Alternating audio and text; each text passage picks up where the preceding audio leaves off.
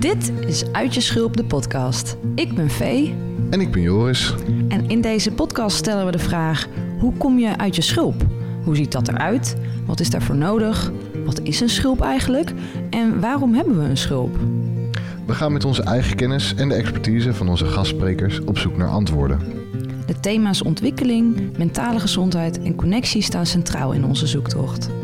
Deze podcast is zowel bedoeld voor mensen die zich pas net in zelfontwikkeling beginnen te verdiepen, als mensen die al meer bekend zijn met het onderwerp.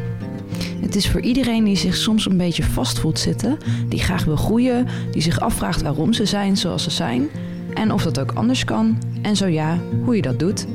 Pak een drankje en schuif lekker aan. Laten we beginnen. In deze aflevering zijn wij in gesprek met Kitlin Chin Aji.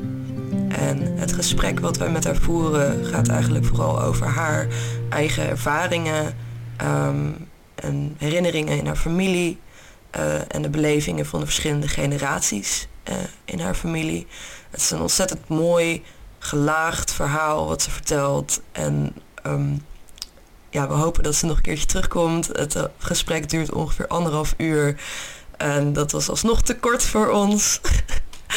Uh, maar ja, we moesten het op een gegeven moment afkappen ehm, vanwege de tijd. En uh, ze zal zeker uh, nog een keertje door ons uitgenodigd worden om verder te gaan met dit gesprek. Um, ja, wij hebben ontzettend genoten van de opname met haar. Zij is onze allereerste interviewgast. En we hopen dat jullie ook gaan genieten van deze aflevering. van ongeveer minuut 46 tot 49 zit er een hele kleine glitch in de audio, uh, die, um, waardoor het een klein beetje anders klinkt. Uh, verder is er geen probleem met de, je kan gewoon verstaan wat we zeggen, alleen het klinkt gewoon net iets anders.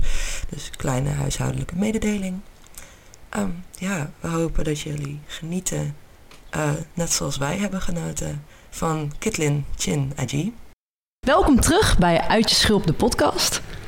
We gaan vandaag praten met Kitlin. Kitlin ja. is hier te gast bij ons en Joris die gaat haar even introduceren. Ja, uh, ten eerste Kitlin, echt superleuk dat je uh, ja zei op mijn vraag om hier te gast te zijn. Heel blij ben ik ook. Ja, heel fijn. Het ja. is uh, nu al heel gezellig. Ja. En um, ik ken jou ik heb jou ontmoet voor het eerst bij het Europees Instituut. Daar gaf jij een uh, college. Ja. Um, en je bent me altijd bijgebleven. En vandaar dat ik jou een paar weken geleden uh, belde om eigenlijk te proberen een van mijn klanten bij jou onder te brengen. Waarvan ik dacht, die vraag kan ik niet aan. En die heeft ook nog eens te maken met uh, het werk dat jij doet. Dus uh, misschien met een systeem, misschien met een transcultureel systeem. en waarop jij zei, volgens mij kan jij dat wel zelf. dus dat was, dat was heel leuk en dat gaf me meteen vertrouwen. Ja. Maar Kitlin, uh, jij bent hier, jij bent uh, uh, transcultureel systeemtherapeut. Ja. die begrippen mag je zo meteen aan de mensen gaan uitleggen. Ja. Ehm, en je hebt allerlei boeken geschreven, zoals Beschermjassen. Uh, met als ondertitel Transculturele hulp aan families, uh, de familieziel, managen van diversiteit op de werkvloer. Uh, je bent ondertussen een favoriet bij allerlei podcasts. op, ook bij ons. Ook bij ons. ja. Diverse tv- en radioprogramma's geweest. En ehm, ja, dat is een zeer incomplete beschrijving van wie ja. je bent. En zeker als mens natuurlijk. Maar dit zijn dan de, even de, de stickers die je online te zien krijgt van wie is, wie is Kitlin eigenlijk. Ja. Um, misschien meteen even op basis van die ervaring gewoon die ik dus had. Dus ik bel jou om uh, te kijken van nou wil jij misschien deze klant van mij overnemen. En ik voelde daardoor uh, het vertrouwen in mij, door jouw reactie, voelde ik enorm toenemen. Is dat een... Uh, is dat, een, is, dat, is dat normaal voor jou in interacties met mensen dat je dat doet? nee, nee, daar ben ik niet van bewust. Wat leuk nee. om terug te horen. Uh, nou, wat wel uh, een iets wat ik vanzelfsprekend uh, doe, is dat uh, ik geloof in de kracht van de ander. Dus uh, op het moment dat je probeert iemand bij mij op schoot te zetten, denk ik: hé, hey, volgens mij kan je het zelf. en Mooi. Ik, ik wil wel met je meezoeken naar bronnen. eh, intuïtie, ehm, levenswijsheden die je nog niet eh, hebt aangekeken, maar die je zeker hebt eh, om deze klus te klaren. Dus dat is wel iets wat ik heel erg vanzelfsprekend doe. Ja, altijd op zoek naar de kracht van de ander en ook ehm, het geloof in dat de ander het kan. En, niet, ik, en het heeft misschien te maken met dat in mijn familie heel veel vrouwen. Mm, nou ja, ik heb vijf zussen en mijn moeder had ook een zus. Dus ik kijk even naar veel vrouwen die een voorkeursstijl hebben om het leven van anderen te dragen. En ik dacht, nee, ik niet. dus, dus daar heeft het ook mee te maken. Van, um, ik ga niet anderen dragen. Uh, ik ga zorgen dat ze zichzelf dragen.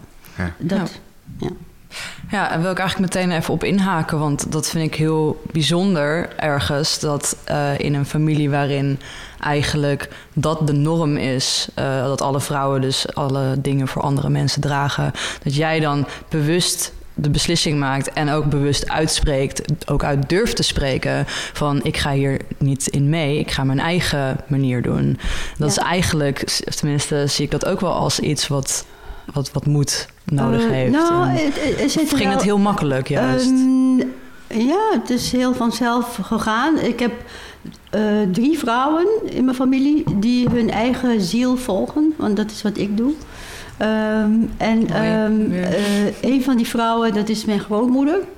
Uh, die heeft uh, in Suriname, in, net na de Tweede Wereldoorlog in de jaren 50, een lijkenwassersvereniging opgericht met een heel veel soulmates.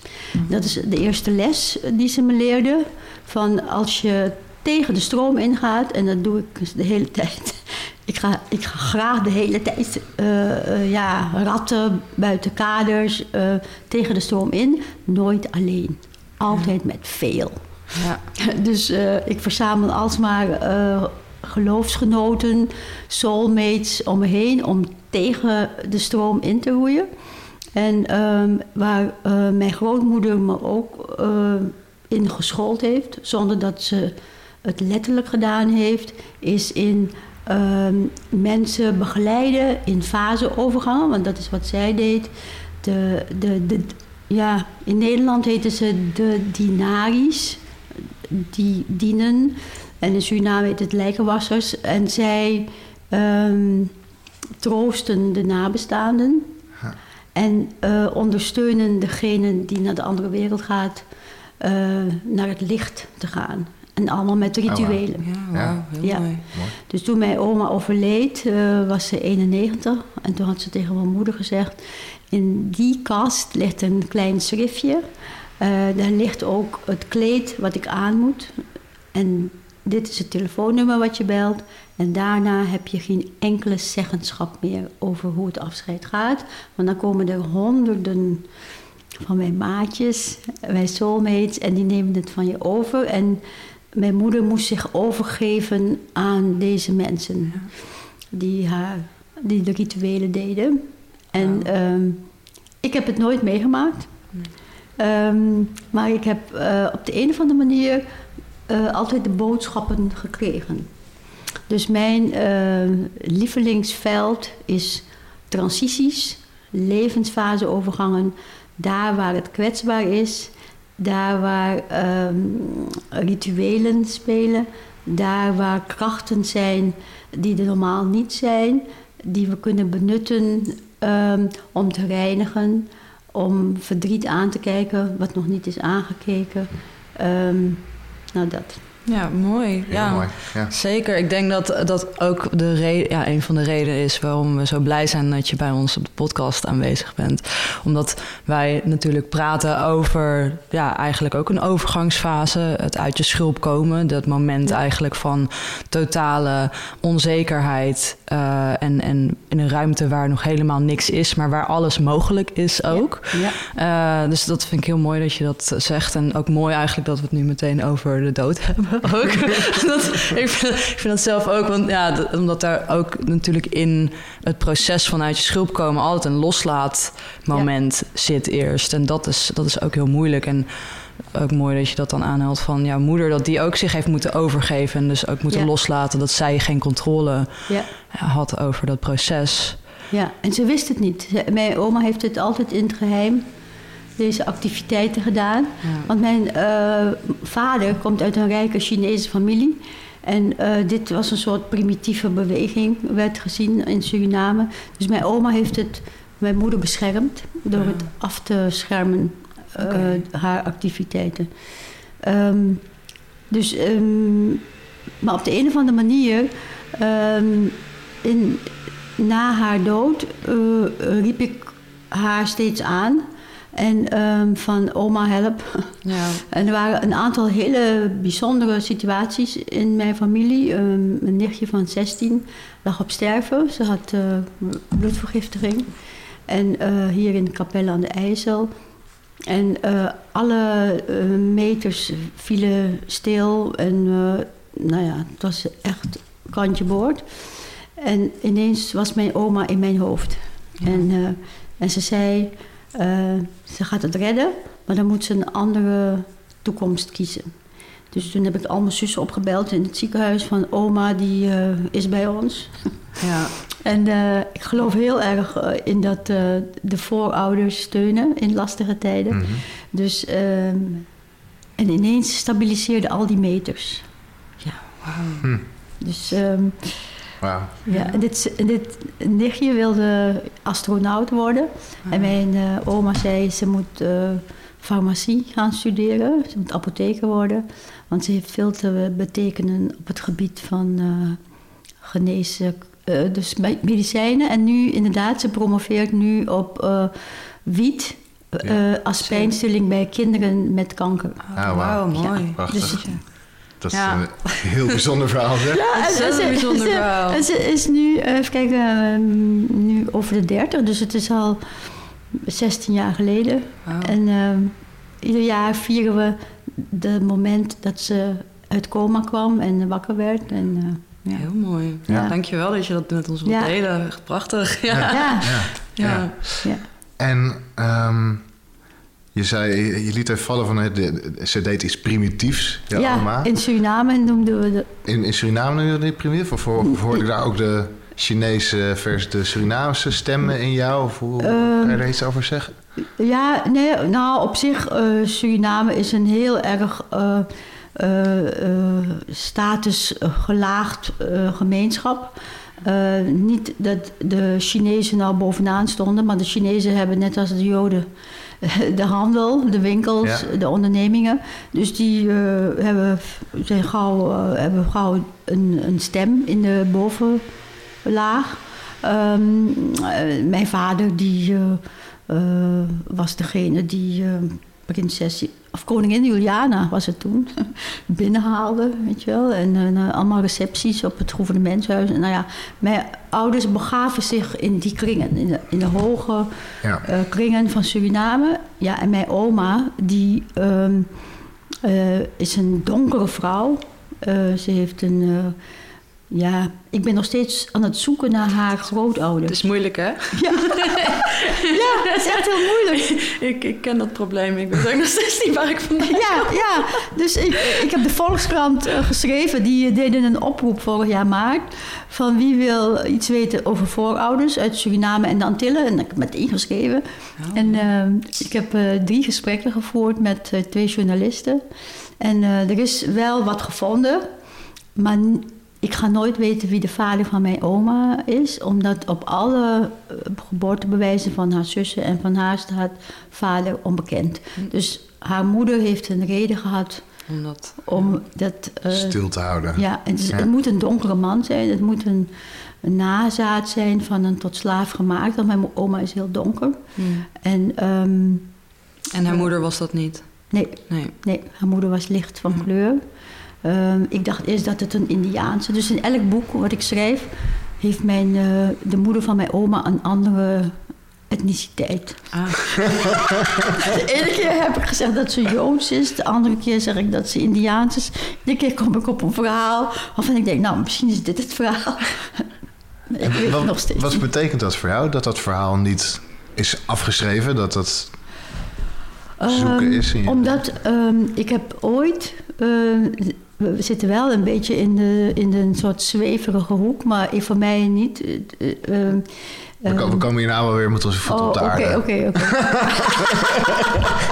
Maar ik vind het wel heel leuk. Ik moet even, ja, we hebben de tijd. Ja. Ja, dus we willen het hier ook gewoon lekker de over, ruimte. Dit kwam Ja, op, dus ja. dan... Ja, ja. ja. en ik geniet er ook van. Ik weet niet hoe jij, maar ik ben er heel erg van aan het genieten. Oké. Nou, ik, heb, eh, eh, ik ben op avontuurreis gegaan toen ik 24 was naar eh, Marokko met een jeep. En daar hebben we in de woestijn zijn we overhoop gereden door een grote militaire truck. En ik heb een heleboel botten gebroken en, enzovoort. Ik lag als oud vuil. eh, in iets wat ik niet herkende als een ziekenhuis, maar eh, zij noemden het een ziekenhuis. En ehm, wat eh, veel shamanen die ik tegenkwam in mijn leven, want ik zocht dat ook op, die zeiden: je moet terug om je ziel op te halen. Je bent een deel van je ziel kwijt. Als je een auto-ongeluk krijgt of een trauma oploopt, verlies je een deel van je ziel. Dus je moet terug naar de plek en dan moet je je naam heel hard eh, roepen. En dan komt eh, je ziel terug. En als dank voor het eh, herbergen van een deel van je ziel geef je een steen terug aan de aarde. Oh, wauw. Mooi. Ja, dus eh, ik ben nog steeds eh, op weg naar Marokko. ik ben nog niet geweest. mijn kinderen, en nu zeggen mijn kleinkinderen dat zij trauma ook hebben opgelopen door mijn auto-ongeluk. Dus ze moeten ook mee eh, naar de ziel ophalen. ja. Ze zijn ook een stukje ziel verloren. Dus het wordt steeds duurder, die reis. Nou heb je twee zonen en drie, eh, zeven kleinkinderen. Ja, dus nou ja. Ehm, maar ehm, ik was één keer in een eh, hele mooie sessie van zeven dagen met een shamanistische familietherapeut, een eh, zwarte vrouw uit eh, New York. En ehm, ik had, ze zei dat je moest je focussen op, op welk deel van je lichaam je ziel was vertrokken bij dat auto-ongeluk. En we moesten dat doen door eh, te dansen, door stenen te zoeken, door bomen te vast te houden. Nou ja, allerlei eh, oefeningen. En eh, op één zo'n oefening, ineens, ik had mijn ogen dicht. Ik had ontdekt dat mijn ziel was vertrokken door mijn ogen, omdat ik me herinnerde tijdens die oefening, wat ik totaal niet meer wist, is toen ik eh, bij zinnen kwam, toen die auto stil eh, kwam te liggen en het was, het was helemaal over de kop gegaan. En eh één meisje overleed mijn, eh, in de auto van 25. Oh, wauw. die kwam onder, de, onder die jeep terecht. Dus er was heel veel gegil en zo. Ja. Maar ik kon niet zien. Dus ik, Ah. ik, ik zat de hele tijd te zoeken naar hoe ik lag, waar ik lag, waar iedereen was. En ik kon niemand, ik kon niet zien, ik kon niemand onderscheiden. Dus toen ineens, toen zij dat zei, dacht ik, het moet door mijn ogen zijn vertrokken, mijn Ja. ziel. Dus, ehm, Oh, wat en, interessant. Ja, en toen ik eh, dus eh, tijdens die oefening mijn ogen dicht had, ineens eh, waren mijn ogen voor mijn ogen. Nou, dat was zo angstaanjagend dat ik mijn ogen opendeed. En eh, toen zei ze, rustig, want het is altijd heel erg angstig. Als je ziel terugkomt, het is best heftig. Maar we moeten er doorheen. Dus eh, nou, door met de oefening. En wanneer was dit? Ik ben nu bijna 69, ik denk 20 jaar geleden of 25 jaar geleden, deze Wauw. oefening. En ik deed mijn ogen weer dicht en eh, ze kwamen heel snel weer mijn ogen voor me. En ik heb het nog steeds, dat ik soms mijn ogen dicht doe en dan zie ik mijn ogen. En ineens een enorme klap. Met een klap kwamen mijn ogen door mijn ogen terug. Wauw. En iedereen die ik, eh, ik deed het met een eh, groep familietherapeuten, collega's, deze zeven dagen. En iedereen zei dat ik zoveel helderder keek. En dat voel ik ook zo. Als ik mensen begeleid, families, dan voel ik een, ja, een soort extra helderheid dan voor dat moment. Ja, Dus zo, het is ontzettend waardevol en belangrijk om je ziel te helen. Ja. Als je om welke reden een stukje van je ziel bent kwijtgeraakt. En voel je meer helderheid dan voor het ongeluk? Of dan in de periode tussen Nee. het ongeluk en die sessie bedoel je? Nee, ik. ehm, ehm, ik nee, kijk, de, toen ik het. eh, de- de- toen ik, ik was 25, 24 Ja. toen ik het auto-ongeluk kreeg. En ik ehm, heb. In die tijd mijn opleiding als maatschappelijk werker afgemaakt. Ik ben toen in een eh, instituut met families gaan werken. Dus ik heb wel heel veel eh, kennis en. eh, want daar heb ik alles geleerd wat je moet weten over families. Ik heb dus wel heel veel kennis opgedaan en ik werkte. Maar ik ging steeds meer. ehm, even kijken, mijn nichtje is nu. Het is 16 en 17 jaar geleden. Dus ik, was 50 toen ze ziek werd. Nou ja, het, het, het is allemaal rond die tijd geweest dat ik ehm, mijn nieuwe, ik zal maar zeggen, mijn nieuwe ogen. ehm, dat ik kon genieten van de, de nieuwe ogen die ik had in te zetten. Dus met mijn oma samenwerken. Tegelijkertijd ehm, kreeg ik ook eh, een soort benauwdheid op een gegeven moment. Ik, ik liep mijn oma te vaak aan, denk ik, Hmm. de- om me te helpen. Dus, ehm, het, en dat is, nu jullie dat zo vragen, denk ik dat het een gelijk in dezelfde periode heeft gespeeld. Dat mijn ogen terugkwamen en dat ik heel erg met mijn oma aan het werk was. En ze lang dood. En maar ook benauwd werd. En toen Ja. eh, kwam ik in Brazilië terecht en overal in alle landen waar ik kom, zoek ik op van wat zijn hier de wijzen van genezen. Hm. En in, eh, de, eh, in Brazilië kwam ik in de zwarte gemeenschap met 500 huizen. Wordt vooral geleid door vrouwen. ehm, rituele huizen waar ze, de candomblé noemen ze dat. Ik weet niet Ja. of jullie dat kennen. eh, waarin ze mensen healen, eh, genezen. En ehm, ik kwam bij zo'n mevrouw en haar- bij haar thuis. En ik heb een Nederlandse man. Die, die, die gelooft daar hier allemaal niet in. Dus die, we komen daar binnen. Het trekt allemaal kastjes open. Er komen allemaal dode kippen uitvallen en zo. dus ik zeg, er komt er een vloek, man. Goeie binnenkomer. Ik heb een vloek. Maar die mevrouw zei tegen me... Je oma zit hier links en ze zit op je. Dat, dat mag niet. Dat hoort niet. Dode Ah, mensen moeten niet ja. zo dicht op levende mensen zitten. En ehm, ze, je moet haar naar het licht sturen. En het kan met een ritueel, met eh, geslachte kippen op het strand. En ik dacht, nou, dit is niet mijn ding. Dus ik Ja. zei mevrouw, dankjewel. En ik maakte dat ik wegkwam. Ehm, maar hier in Nederland heb ik toen een eh, mevrouw opgezocht, die ik wel vaker opzocht. Een eh, mevrouw die doet aan. ehm, ehm, ehm, ben even. Ze leest je, Oh Ja. ja. energieën, ja. Aura-lezingen of zo? ja, aura ja. lezen, ja. Ja. En ehm, ik ben naar haar toe gegaan en toen zei ze tegen me... ehm, ik, ik, zie dat, ik zie dat. Je moet je oma echt vragen naar haar licht te gaan. En dat ze van daaruit je ondersteunt. Ja. En dat hebben we gedaan. En ehm, Wat was jouw ritueel om dat te doen? ja, met deze mevrouw samen. Oké, dus daar heb je een Dus ze zei, we gaan samen eh, je oma... Want ze zegt, ze blijft eigenlijk de hele tijd jou lastigvallen. Mhm. Omdat mij jouw oma had een huis in de primitieve wereld. En ze zegt tegen jou, jij hebt alles om het in de eh, moderne wereld, in Europa...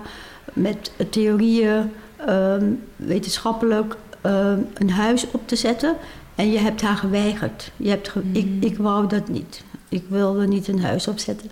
En eh, het laatste boek wat ik schreef in 2019, Het Beschermjassenhuis, dacht ik, ik heb toch gedaan wat Ja. oma wilde. ja. ik heb een huis nu met, Ja. met een dreamteam, met rituelen, met... Ja, Ja. mooi.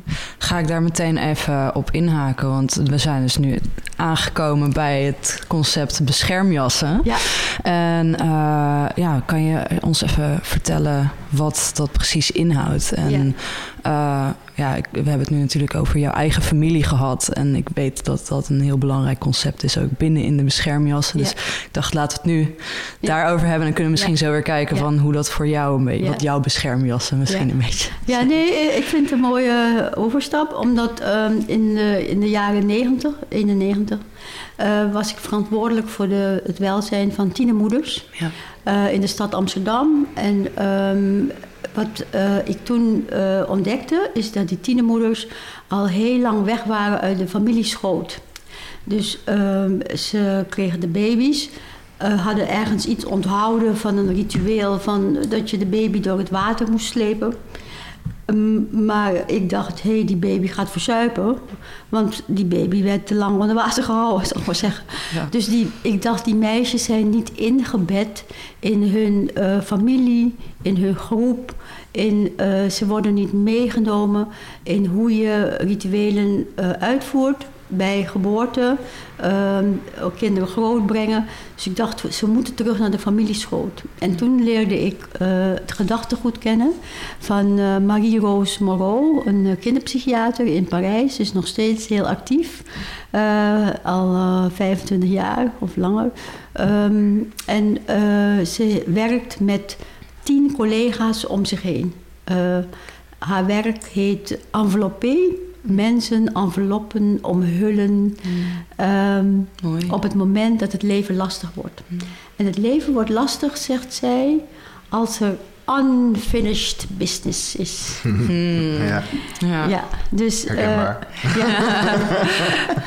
ja, dus ehm, ik heb eh, heel erg haar gezien als mijn eh, inspiratiebron. Ehm, en wat ik ook eh, heel fijn vond, is wat, we, wat ik vervelend vind in Nederland.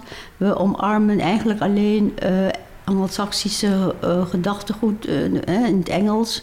Eh, uit de Verenigde Staten, uit Engeland, maar helemaal niet uit Spanje of Frankrijk. Terwijl daar hele mooie eh, concepten zijn. Ehm, dus dit idee van de Franse transculturele psychologen, envelopper, je omhullen met eh, de groep, de cultuur en ik heb toegevoegd met de historie. Ehm, dan ehm, bed je mensen in, in hun vertrouwde, dat wat vertrouwd is. Ehm, en dat, zijn, eh, dat is zintuigelijk, dat zijn het auditieve, de gedichten, de liederen, ehm, de geuren. Eh, geur is heel sterk. Ja. Ehm, dus, ehm, nou ja, en ehm, de, de, de beelden die ik zag van haar, ehm, is dat ze zich omringt met tien collega's om een familie heen. Dus de collega's worden een soort beschermjas om haar, de gezinnen die ze ontvangt. En ehm, wij hebben geen waarheid, zegt ze. Wij ehm, luisteren naar de dromen die onze cliënten hebben, voorafgaand aan de dag dat ze komen. Want ehm, dat is universeel. In de antropologie zeggen ze dat. Iedereen in een transitie, in een levensfaseovergang droomt. En in die droom zit natuurlijk het, de oplossing, Ja, het mooi. antwoord. Alleen mensen kunnen dat soms niet plaatsen. Ehm, dus wat zij doet, ze vraagt haar collega's, als de mensen de verhalen verteld hebben, de dromen verteld hebben, ze- vraagt ze wie heeft eh, iets te geven aan dit gezin, vanuit je professionele of vanuit je persoonlijke bagage. En ehm, wat zij probeert te doen, en dat werkt, is dat mensen zelf de regie krijgen over de verhalen die ze horen, om hun eigen eh, rode draad weer te vinden en de samenhang waarin ze zich bevinden. Onze cliënten, zegt ze, en dat vind ik echt, lijden onder discontinuïteit, onder fragmentatie, onder breuken. Ja. En als je samen verhalen deelt, dan stellen we ze in staat om weer de samenhang te ervaren, de rode draad te vinden. Ja. En kan je, iets, kan je iets meer uitleg geven over het woord discontinuïteit Ja, in deze context? Ehm, wat eh, heel veel eh, migranten meemaken, is eh, discontinuïteit van eh, eh, grond. Ja. hè, dus dat alleen al. Discontinuïteit van veel jonge mensen in Nederland eh, die eh, ouders of voor, grootouders hebben in andere landen. Die krijgen de verhalen niet mee die ze voelen. Mm. Dus eh, de discontinuïteit in wie je bent en waar je bij hoort, dat is dramatisch. Ja, Ja. ja. En daar lijden heel veel kinderen onder. Dus in de GGZ eh, zien we vooral eh, kinderen met eh, eh, identiteitsklachten. En dat heeft te maken met die discontinuïteit Ja. eh, van context. Ze kunnen zichzelf moeilijk in het verhaal plaatsen. Ja, Ja. omdat ze het niet hebben meegekregen. Ja, en ze zien ook niet waar, waar zij passen in het verhaal... als zij inderdaad dan letterlijk in een heel ander land terecht zijn gekomen... dan waar hun hele familie altijd heeft ge- geleefd, Ook, bijvoorbeeld. ook omdat eh, eh, ouders eh, verhalen niet overdragen Ja. aan de generaties. Omdat het te veel pijn doet. Ja. Eh, ze beschermen zichzelf Hmm. en de kinderen. En de kinderen voelen dat, dus die stellen de vragen ook niet. Ja. Dus er, komen hele grote gaten, zal ik Ja. maar zeggen. Gaat in het familieverhaal. Ja. Huh? Gaat in het familieverhaal. Ja, ja. ja. ja. En ehm, wat is dat begrip transcultureel? Ehm, transcultureel is eh, kunnen kijken over culturen heen. Kijk, Ja. eh, wat de transculturaliteit heeft gebracht in Nederland, is dat eh, eerst dachten hulpverleners dat ze het, alle cliënten kenden, zal maar zeggen. Ze, ze wisten wat er speelde. En wat de transculturele hulpverlening gedaan heeft, is het veel meer ehm, maken dat elke familie een ander verhaal heeft. Mm. En tegelijkertijd is er ook een transstuk, er is een universeel stuk. Dus elke familie maakt eh levensfaseovergangen mee, Mhm. elke familie heeft generaties, elke familie eh, heeft eh, niet vertelde verhalen. Dat. Overkoepelende menselijkheid. Ja. ja, oh mooi woord, ja. Ja, dat. Ja, ja dat. Ja. Eh, tegelijkertijd eh, is eh, het, het, het, dat wat cultuur eigen is van elke familie ook waarderen. Ja. Mhm. Mooi. Oké. Dus de familie zelf is een aspect van de cultuur, maar ook het overkoepelende. Ja, Ja. ja dus Ja. De, de geschiedenis. Ja. Ehm, eh, als je het hebt over de Tweede Wereldoorlog of over nu eh, Indonesië, ehm, Suriname, de slavernij. ehm, eh, mm, Als je het kijkt naar de provincies, Drenthe heeft eh, de treinkapingen eh, meegemaakt. Eh, dat heeft een effect gehad op alle families in Drenthe. Eh, maar ook in Nederland. Dus het, het is heel goed om te kijken van... ehm, als ik de geschiedenislijnen teken eh, met families... dat ik heel goed kijk naar wat heeft zich voorgedaan in deze generatie... in de generatie daarvoor en daarvoor. Om te Mhm. kijken of er... In, wat ik heel vaak tegenkom, is dat soms in zeven generaties op dezelfde leeftijd zich iets, een kwetsbaarheid voordoet. Ja, ik heb dat ook heel wel eens gehoord. Ja, Ja, ja, ja. dat is heel, heel eh, bijzonder dat dat zo gebeurt eigenlijk. Ja. Toevallig laatst geloof ik in een boek van, van iemand gelezen die dat daar ook over heeft. Maar dat gaat dan in een hele andere context. Oké. Ja. Ehm, ik ben wel heel benieuwd nog naar een stapje nog dichter naar het werk toe, wat je doet. Eh, dus op basis van wat je nu vertelt, hè, eh, families komen bij jou, die hebben een vraag, een probleem, een uitdaging. Eh, je gaat met ze aan het werk om die discontinuïteit te herstellen, om het verhaal te herschrijven.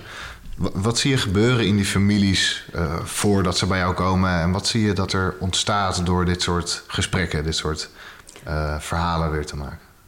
Ehm, wat, nou, eh, het, is, zijn twee stromen. Ehm, de laatste tijd richt ik me vooral op professionals die vastlopen in het begeleiden van families. Dus ik nodig de professional uit met mijn dreamteam. En dan kijken we waar loop je in vast. En de familie komt mee om de professional te helpen, hun professional. Dus dat geeft, eh, want waar ik ongelooflijke hekel aan heb, is het koloniseren van families. Dus het beter weten, het, het, het, ze vastzetten, eh, ze niet uitnodigen in hun kracht te komen, het verhaal te vertellen. Dus dit is een vorm om eh, professionals te ondersteunen. Ehm, en hun, eh, in, de, hun passie. Eh, vaak als ze zo ehm, ja, vastlopen. Dan zie je dat ze niet meer hun intuïtie gebruiken, niet meer hun bronnen. Eh, ze gaan heel erg verkrampt te werk. Ehm, als families direct naar mij toekomen, dan bespreek ik allereerst dat ik vind dat ze in drie generaties moeten komen. Dan krijg ik altijd meteen gedoe aan de telefoon. dan zeg ik, uh, nou, dan ga je niet komen. Uh, dan ga je maar naar iemand anders. Uh, want want ik geloof enorm in dat families vastlopen. En wat ik net zei, in unfinished business. dus verhalen worden niet verteld, worden niet doorgegeven. we hadden pas geleden een was uh, iemand ook van het Europees Instituut die uh, na het college naar me toe kwam. Ze zei: um, ik, ik weet het, mijn vader die heeft iets meegemaakt toen hij zes was. En um, dat zorgt ervoor dat hij emotioneel niet beschikbaar kan zijn voor mij en ook niet voor de kleinkinderen. En ik heb daar ook moeite mee. Ik merk dat ik daar moeite mee heb. Hmm. Uh, en dat iets is onbesproken, is niet uitgesproken. Ja, dat is niet. Ja, ja. Dus er is iets, ik geloof dat ze zoiets vertelde, is dat hij uh, iets heel ergs zag gebeuren met een van zijn broertjes of zusjes. En uh, dat, dat, dat trauma, dat, dat uh, kon niet worden geprocessed, omdat de hele familie in verdriet was. En ehm, ouders en grootouders niet beschikbaar konden zijn voor de kinderen die getraumatiseerd waren mm. door die gebeurtenis. Ja. Um, en toen kwam ze met haar eh, vader en moeder en uh, haar drie zonen. En um, een van die zonen, die, die middelste, die, na allerlei problemen op school en uh, weet ik wat. Afijn, um, en uh, hij kwam, ze kwamen met z'n drieën en deze middelste jongen die, had, die voelde al van we komen hier voor mij. Hm. Dus hij hield zijn jas aan, hij hield zijn telefoon voor zijn neus. Helemaal afsluiten. Ja, ja. ja. Oh, en, uh, uh, herkenbaar ook wel. ja, ja. En, voor mij. Voor iedereen, denk ik. en uh, de en grootvader, dat had ze ook gezegd, die was een hele cognitieve man. Mm. Die, ja, die was echt, uh, had zijn gevoel afgesloten. En, uh, ja. Maar het interessante was, het zat helemaal niet in die uh, familie van die vader. Het zat in die familie van die moeder. Maar dus, oh. weet je, dus je, je hebt een idee wat maakt dat je heel erg jezelf vastzet. Ja, ja, ja. Dus, ja. Um, en gelukkig was deze uh, moeder van haar, oma, die uh, begon allemaal verhalen te vertellen over haar ouders, uh, waar verslaving speelde en mm. nou ja, heel veel verdriet. En die kleinkinderen, die drie, die zaten gewoon met hun oren zo. Dus die jongen die had vergeten dat hij naar zijn telefoon moest kijken en dat hij in zijn jas moest blijven zitten en zo. Ja, dus, mooi, ja. Het, het is ongelooflijk. Ook als ik baby's, want ik nodig iedereen uit, baby's die gaan uh, spelen, die worden heel zoet, die oh. weten, die voelen de energie, die voelen de warmte, die voelen de, uh, ja, de aandacht, ze voelen de energie veranderen van, um, van, van zorg en stress. In, in aandacht, in liefde. En, en uh, de kinderen zijn mijn gids. Dus de baby's, als die gaan spelen, denk ik, we gaan goed. Het gaat goed. Ja, ja, ja, ja mooi. En, en... Als ze gaan huilen, dan zeg ik, uh, we moeten ergens anders naartoe. Het gaat iets niet goed hier. Ja. Ah, wat geweldig. Ja. En die, en die, jongen met zijn jas aan en zijn telefoon, dat is nou typisch uh, de jongen die eigenlijk alleen bij een uh, therapeut zou komen ja, uiteindelijk. Ja, hè? En niks zou zeggen. Ja, precies. ja, precies en niks willen zeggen. Hoe, hoe, hoe ga jij daarmee aan het werk? Hoe start je zo'n zo'n zo'n sessie? Want er is een verwachting waarschijnlijk voor jou dat je zegt van nou zie je, hier is onze zoon, daar gaat het helemaal niet goed mee. Kan je met hem gaan praten? Fix of hem. Ja, ja, ja, ja, ja, ja, Hoe gaat dat in zijn werk? Nou, ik vertel meteen, uh, net als Marie-Roos Moreau... waar ik een ongelooflijk rotsvast geloof in heb... is dat uh, eh, 80% van de kinderen hebben geen kinderklachten... maar familiaal gerelateerde klachten. Ah, ja. Dus, dus uh, ik ga zoeken in de generaties boven hun... wat er zich heeft voorgedaan. Ja. Ik, ik ga niet met hen in gesprek. Ze in een context plaatsen. Ja. ja Ik vraag eigenlijk helemaal weinig aan kinderen. Ja. Dus dat is ook vaak met de kritiek die ik krijg van collega's. Van nou ja, wat is dat wel? Er komt er een kind en dan eh, vraag je niks. Nee. ik vraag aan die ouders en die grootouders. Ja. Ja. En dan Mooi. zie je de, dat ze heel erg uh, senang uh, gaan voelen, die kinderen. Ja. Ja, mooi. Ja, zeker mooi. En ergens in de, in de voorbereiding kwam ik een paar keer die term tegen, maar ik ben de term vergeten. Maar die, uh, die jongen met zijn jas en zijn telefoon klinkt als iemand die zo'n beetje zo stuurs en tegen die, die uh, lastpak of zo in ja, het gezin. Ja, of die, lastpak, ja. Lastpak, is dat ja, de term die jij ja, gebruikt? Last, nou, ontregelaar. Oh, ja, ontregelaar Ja, lastpak. En jij was zelf ook zo iemand, ja, toch, vroeger? Ja, ja, ja Dus ik was een hel. De, de, derde, was een hel. de derde generatie, Ja, geloof derde ik, toch? generatie, ja, ja. Dat heb ik ook meegekregen nog. Ja, ja. Nog net. En Ja. Kan je, is dat een van de eh, eh, gronden voor jou om empathie te hebben voor zo iemand? En om, om, te om beter te Ehm. besef te hebben van ja, wat moet ik dan wel doen in plaats van de lastpak als lastpak te, bes- eh, te bestempelen? Ja, ja, eh, dat heb ik wel geleerd van eh, mijn intellectuele moeder, noem ik haar, eh, Nel Jesseren. Zij zegt, ze is nu over de tachtig, ehm, dat ehm, eh, de derde generatie, de trendsetters, de ontregelaars, de gekkies, eh, zij eh, zijn het zuurstof in het systeem. Dus ik, ik beloon meteen de gekkies in die komen van je bent het zuurstof. Het lijkt alsof je de zondebok bent, de, de, de, de weet ik wat, ehm, alles fout doet. Maar eigenlijk breng je het zuurstof in het systeem door te ontregelen. Ja. En dat systeem zit vast en heeft nodig om te gaan eh, bewegen. En dat kan alleen als er ontregeling komt. ja, Dus zeker. organisaties, eh, families, ehm, die, hebben, die varen wel bij de derde generatie. Ja, en, Dus we moeten ze eren. Ja. ja zeker. En dat, eh, dat, dat ehm, het geeft mij een beetje een, een, een zo'n beeld van een explosie. eh, van een kluis. Ja. Want je ziet pas Ja. wat er in de kluis zit als er een explosie. Ik weet niet waarom het dan meteen zo ontzettend gewelddadig moet. Maar, maar dat nee, is maar dan het wat is wel mijn... zo. Dat. Het is ook vaak zo. Dat eh, het vaak met ontploffingen gaat. Eh, Ja.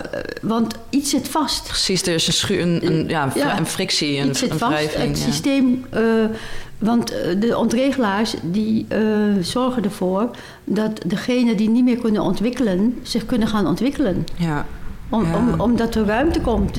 ja, want daar, daar, daar is natuurlijk nu de, het punt een beetje van die ontwikkelings, dat ontwikkelingsmoment. Dat komt inderdaad op het moment dat er gemerkt wordt dat er iets vastzit. Ja, Eigenlijk. ja. En dat Ja. het hele systeem Eigenlijk zich het probleem gaat toe-eigenen. Iedereen in het systeem wel. Ja, ik ben er ook onderdeel van. Mm. Ja. Het feit dat dit Ja. vastzit. Ja. En niet, het is niet alleen eh, die zoon of die dochter. Nee. Of, eh, Het is ook zo dat, dat als een familie in een transitie moet, hè, dus naar de volgende fase, eh, eh, omdat eh, jonge mensen van 15, 16, die moeten op eigen benen. Dat is echt een enorme transitie van eerst kinderen beschermen naar kinderen op eigen benen helpen.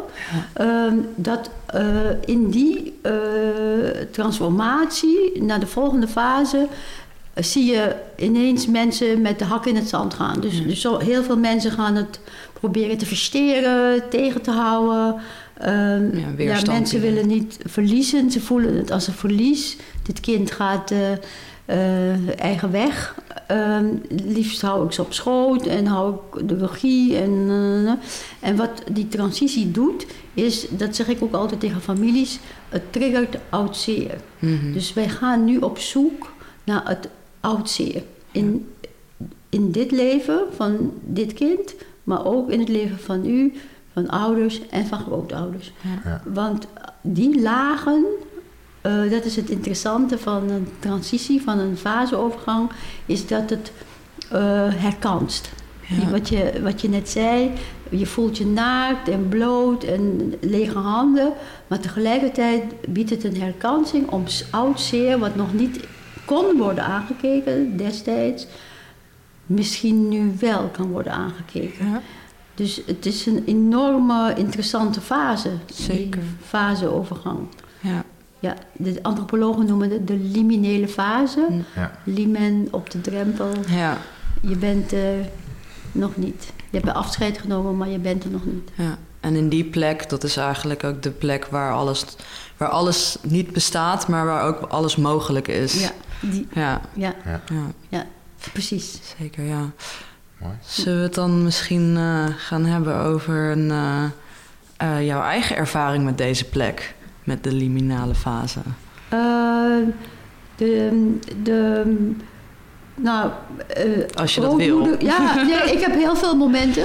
Ehm, wa- wat, wat, wat ik vaak vertel aan studenten is, eh, als ik kijk in mijn levenslijn, wat gaat stapelen, is eh, het eh, vertrek naar Nederland op mijn zestiende, eh migratie, ehm, de, wat altijd terugkomt.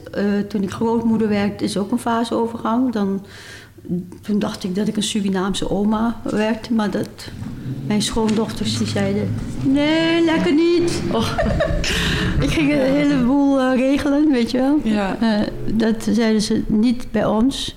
Ehm, wat ehm, een eh, ehm, belangrijker is om te vertellen over de gestapelde liminaliteit in mijn leven, is dat de migratie, het auto-ongeluk. En toen ik 28 was, eh, was ik in Suriname eh, voor het huwelijk van mijn jongste zusje. In, het was december 1982. En eh, ineens eh, op 7 december eh, Suriname brandde, Paramaribo brandde, stond in brand. En mijn moeder zei, er gaat nog één KLM. En nou ja, je man werkt er, dus je gaat mee. Niemand, de KLM-kantoren waren dicht, dus niemand kon meer. Iedereen wilde weg, maar dat kon niet. En je zag de, het vliegtuig landen en ehm, we moesten hollen over dat, die, naar dat vliegtuig toe. Het werd niet schoongemaakt, eh, want de KLM was bang dat de militairen het zouden eh, innemen, Hm. het vliegtuig. Dus het, het was een soort vlucht. Ik weet Ja. niet, ik had mijn zoon, die was één. eh, hij is nu 40, eh, op mijn arm en het vliegtuig in. En het moment waarop de gezagvoerder zei... de wielen waren nog niet van de grond. Ehm, ik voel weer de kippenvel. Hmm. Hij zei, het luchtruim van Suriname is nu gesloten. En ik dacht, ik ga nooit meer terug. Zo. Ik ga nooit meer terug. En ik heb het, he- ik heb het twintig jaar niet kunnen zeggen, dit. Het, het zat zo. Wat, dus die stapeling van verlieservaringen, de migratie, ehm, het auto-ongeluk, eh, dit, deze ervaring. Ik ben toen allerlei angstklachten gaan ontwikkelen. Ik, ik werd bang in een vliegtuig, ik werd bang in een lift, ik, werd bang, ik was overal bang. Eh, in auto's. eh, en ehm, toen, twintig jaar later, toen eh, vroeg de directeur van Amnesty International mij om met de nabestaanden van de 8 decembermoorden in gesprek te gaan. En toen kreeg ik nachtmerries. Oeh. Ik, kreeg, ik dacht, wat, ik heb niks te vertellen. Wat, wat zou ik nou eens kunnen vertellen aan eh, nabestaanden van de 8 decembermoorden? En eh, toen zei een collega van mij van... eh, Kit, eh, je moet met je familie in gesprek over het moment dat je vertrok. Hoe zij betekenis geven aan wat er toen gebeurde en hoe jij betekenis geeft. Die, dat moment moet weer verbonden worden. En eh, ze heeft zo gelijk gehad. Dus ik wil het iedereen meegeven. Van, ehm, het is zo belangrijk, maar dat is echt unfinished business. Ja. Als je niet meer met je familie... Kijk, het leven gaat door, weet je. Het gaat door. Dus eh, je hebt het er niet meer over. Van wat, hoe het voor mij was om zo rennend over dat vliegveld... eh, dat vliegtuig in te springen. Die man zegt, de het luchtruim is dicht. Ehm, het had iets definitiefs. Ik, Ja. ik, ik heb afscheid genomen. Ik ben ook heel lang niet teruggegaan. Eh, en ik heb het mijn kinderen eigenlijk ontnomen. Ja. Het is ook hun geboortegrond. Ze zijn in Nederland geboren. Maar het is ook een deel van hun identiteit. Ja. En ik heb ze nooit teruggebracht. Ehm, dus het is een... In die twintig jaar niet. Nee, Ja, en daarna wel. weer wel. Ja. Ja. Toen mijn moeder ziek werd, toen eh, ben ik wel teruggegaan. Maar ik heb nog steeds een ongemak. Als ik daar ben, dan zit ik te wachten tot het vliegtuig teruggaat. Ja. Ga- Ik, Weet je. Ik heb, ehm, ja, ik voel me niet veilig. Ja. En nu weet ik het niet, maar toen Bouterse eh, daar aan de macht was, ik heb me, ben één of twee keer geweest omdat het moest. Ik, eh, ik, de samenleving voelt zo onveilig voor mij, van ieder moment. Het, er is zoveel onrecht, zoveel. ehm, je kan elk moment worden opgepikt of opgehaald of opgelicht van je bed. Of. Weet je, dus, ehm, dus dat. ja, heel veel onzekerheid. Heel veel onzekerheid. Ja. Dus ik, ik, ik, ik heb niet een, eh, ik heb een complexe relatie met Suriname. Ja, maar ja, dat is wel natuurlijk een groot gedeelte van, van jouw identiteit en ook van jouw, van jouw levensverhaal en familieverhaal. Dus dat, ik kan me voorstellen dat dat een heel pijnlijk iets is. Zit daar misschien ook nog een stuk van jouw ziel? Ja, dat zou best kunnen. Dat Wat er kwijt is nog- nu, Ja, dat- nou ja, dat, dus, eh, dat er nog iets op te halen is. Ja, Het is wel zo dat toen mijn moeder overleed in 2012, toen heb ik in 2013 ha- een boek geschreven, De Familieziel, over eh, haar, om haar te eren. En ben ik een lezing gaan houden in Suriname voor de familie en voor haar vriendinnen. De zaal zat vol, het was echt heel bijzonder. Ik werd gedragen door de liefde eh, voor haar. Ja, dat is echt heel bijzonder. ja, Dus, en ik ben naar de graven geweest. Ik merk dat ik weer emotioneel word als ik het vertel. Eh, naar de graven van mijn oma en van mijn tante en oom. Die zijn verongelukt bij de SLM-ramp. Dus, dus voor mij voelt het alsof ik dat... ehm, ja, in ieder geval voor een deel gedaan heb. Verbinden met de geboortegrond. En ik heb gevoeld eh, hoe belangrijk het is om na een groot verlies, zoals het verliezen van mijn moeder, om weer te connecten met de geboortegrond. Dus ik zeg het tegen iedereen, Mm. als je kan, eh, na een groot verlies, verbind je weer met geboortegrond. Het heelt. Ja, Ja. heel mooi. Ja, zeker. Ja. Ontroerend. Ja, zeker. Ik ben er ook Ja. even emotioneel van. ja, Ja, ik zag het aan je. ja denk je Ja, wel dat je dat wilt delen ook Ja. met ons? Ja. Ja, ik geloof heel erg in. eh, eh, niet zozeer om ehm, te etaleren van familieverhalen, maar juist om te connecten. Om te kijken wat jij je herinnert of wat eh, bij jou resoneert, bij jullie resoneert aan familieverhalen Ja. die op tafel kunnen komen. Ja. Heb jij er iets op, eh, op in te brengen waar, waar jij naartoe ging in Nou, leven? Ik denk wat ik, eh, wat ik zelf, ehm, in, ja, iets wat mij raakte in het verhaal, maar ook iets wat niet in de podcast tot nu toe geweest is, maar wat wij voordat we gingen opnemen heel kort over gehad hebben, is eh, het gevoel hebben van dat je een zwerver bent soms. En ik vraag me dan af of dat dan misschien daar ook iets mee te maken heeft met je dus afgesloten voelen van van zo'n plek die heel veel voor je betekent. In elk geval emotioneel afgesloten voelen. En of dat dus dan ook iets te maken heeft met, met dat gevoel van dat je niet helemaal ergens thuis bent meer. Hm. En ik heb zelf, ja, wat dat betreft, ik heb zelf dat ik me ook heel erg kan voelen alsof ik ja, op zoveel verschillende plekken heb gewoond en me nooit echt ergens heel erg heb kunnen, kunnen binden. En voor mij is dan één plek waar ik dat wel, waar ik dat gevoel wel heb gehad, is dan toevallig in Engeland, waar ik eh, als tiener heb gewoond.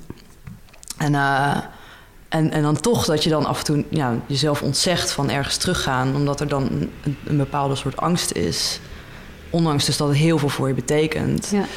Ja, ik weet niet wat ik, wat ik voor punt wilde maken. Nee, ik, ik, ik was heel erg eh, geïnteresseerd in dat stukje wat je vertelde over eh, ergens bij horen en niet de verbinding kunnen maken. Ja, ja, Ja, want eh, wat bij mij eh, naar boven kwam, is dat ik meteen denk: het zit in de generaties boven je. ja, Het antwoord ja, van wat is het om wel te connecten? Wat Ja. is het? Welk verhaal is nog niet verteld aan je, waardoor je die verbinding niet kan maken? ja, want dat is denk ik, of tenminste, ik geloof daarin dat dat, dat is iets wat je leert. Eh, verbinding kunnen maken met anderen. En met Dus- jezelf. En met jezelf, inderdaad, ja. Ja. En dat is, dat is uiteindelijk een, een generationeel probleem als, dat, als jij daar moeite mee hebt. Ik weet niet of jij daar iets over te vertellen hebt. Ja. Ehm, Ja, dat, eh, dat eh, thema dat, eh, speelt ook zeker door mijn leven. Je wel of niet kunnen verbinden en daar veiligheid in voelen. Ja, zeker. Dat is eh, ook een groot thema bij mij. En bij mij is makkelijk, redelijk voor mij makkelijk aanwijsbaar door jong verlies van, mijn- van mijn moeder. Hoe oud was je? Vijf jaar. Ehm, en inderdaad, haar ouders, die, zeker haar moeder en mijn oma, die daar een heel, heel actieve rol in heeft gespeeld daarna in mijn leven. Dus heel erg dicht, dicht bij me geweest, eh, heel vaak. Ehm, En welk, had, bleef ze oma of bleef ze, soms was ze moeder? nou, wat, wat wel. Ze was wel echt oma. Ehm, ik vind het moeilijk om dat helemaal 100, met 100% zekerheid te zeggen. Volgens mij was ze wel echt oma. Alleen wat, wat er nooit echt is geweest, is het verdriet om het verlies tussen ons.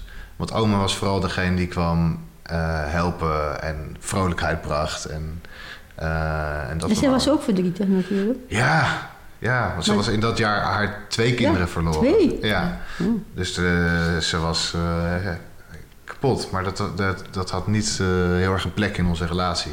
Niet waar de er- kinderen bij waren, zeg maar. Ja, ja. en oh ja, wat we er wel over hoorden was dat, dat, het, ehm, dat ze het heel bijzonder vond dat opa en zij bij elkaar zijn gebleven. Dat dat is gelukt na dat verlies.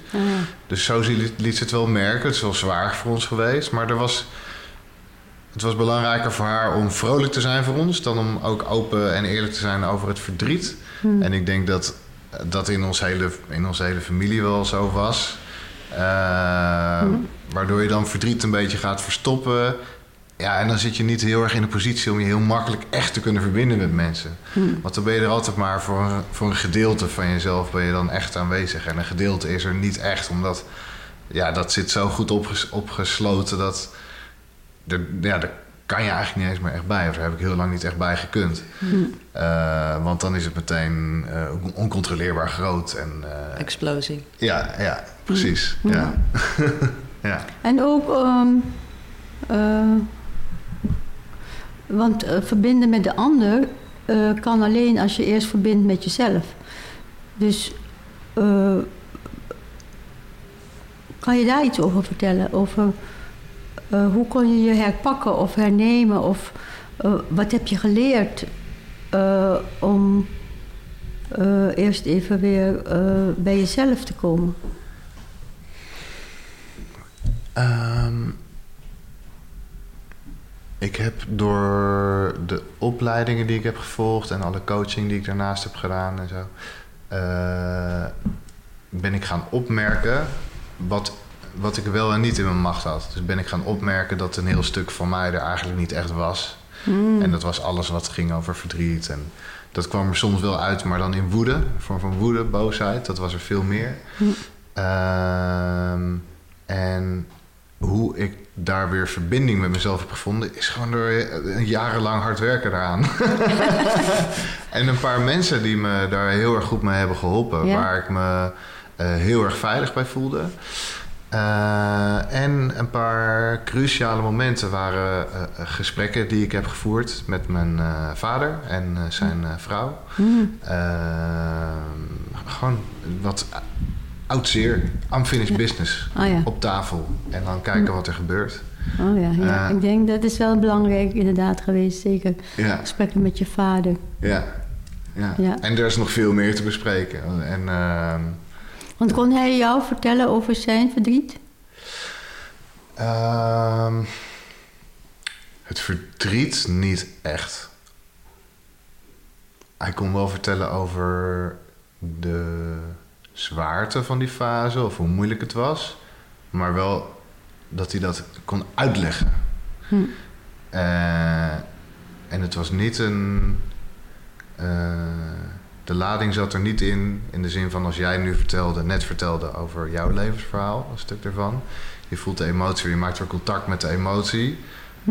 Want die gaat er eigenlijk nooit echt vanaf. Dus, ik- en en dat, dat, merk ik dan, dat merk ik minder in de verhalen die ik eh, van mijn vader hoor. Hm.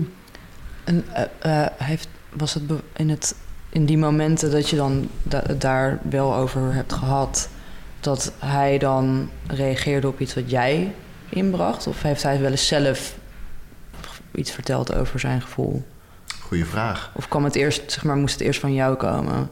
Het, ik, eh, ik heb een paar keer inderdaad, ben ik daar wel over begonnen.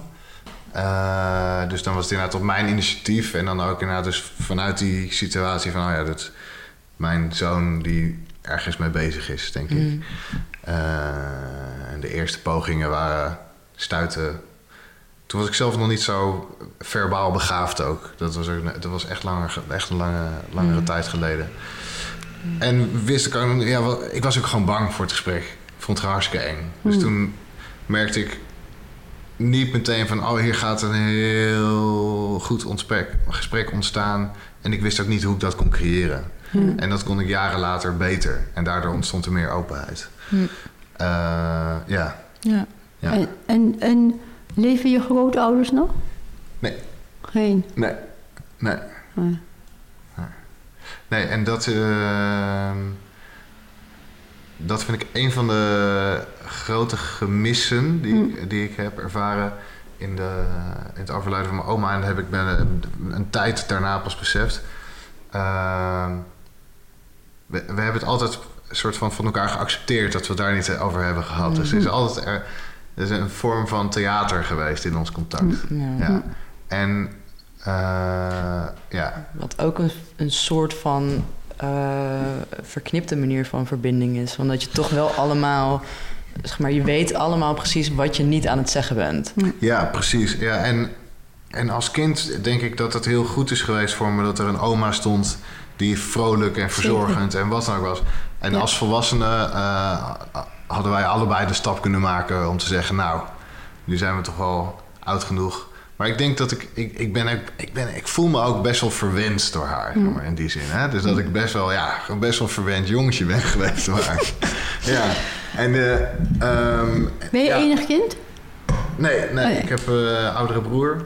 En eh, dus ik eh, goed onder zijn vleugel geleefd. Ah ja. En, eh, en eh, een zusje, tien jaar jonger zusje, maar van een andere moeder. Ah ja. ja. Ja. Ja. Maar ehm, nou, het doet me denken aan eh, dat ehm, mijn eh, nichtje, die is nu eh, ehm, een kind van mijn jongste zusje. En die ziet mijn moeder vaak in de kamer, kan ik maar zeggen.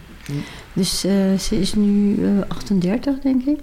En eh, ze komt zaterdag. En ze wil een familiecollege van mij eh, over sterke vrouwen in de familie. En ehm, wat, waarom ik het zeg is, zij heeft eh, vragen. Ze is voor een deel opgevoed door mijn moeder, met haar moeder. Mijn zusje is jong gescheiden. Eh, haar broertje was zes maanden, denk ik. En ehm, ze heeft vragen aan mij ehm, die haar moeder niet kan beantwoorden, maar ik wel.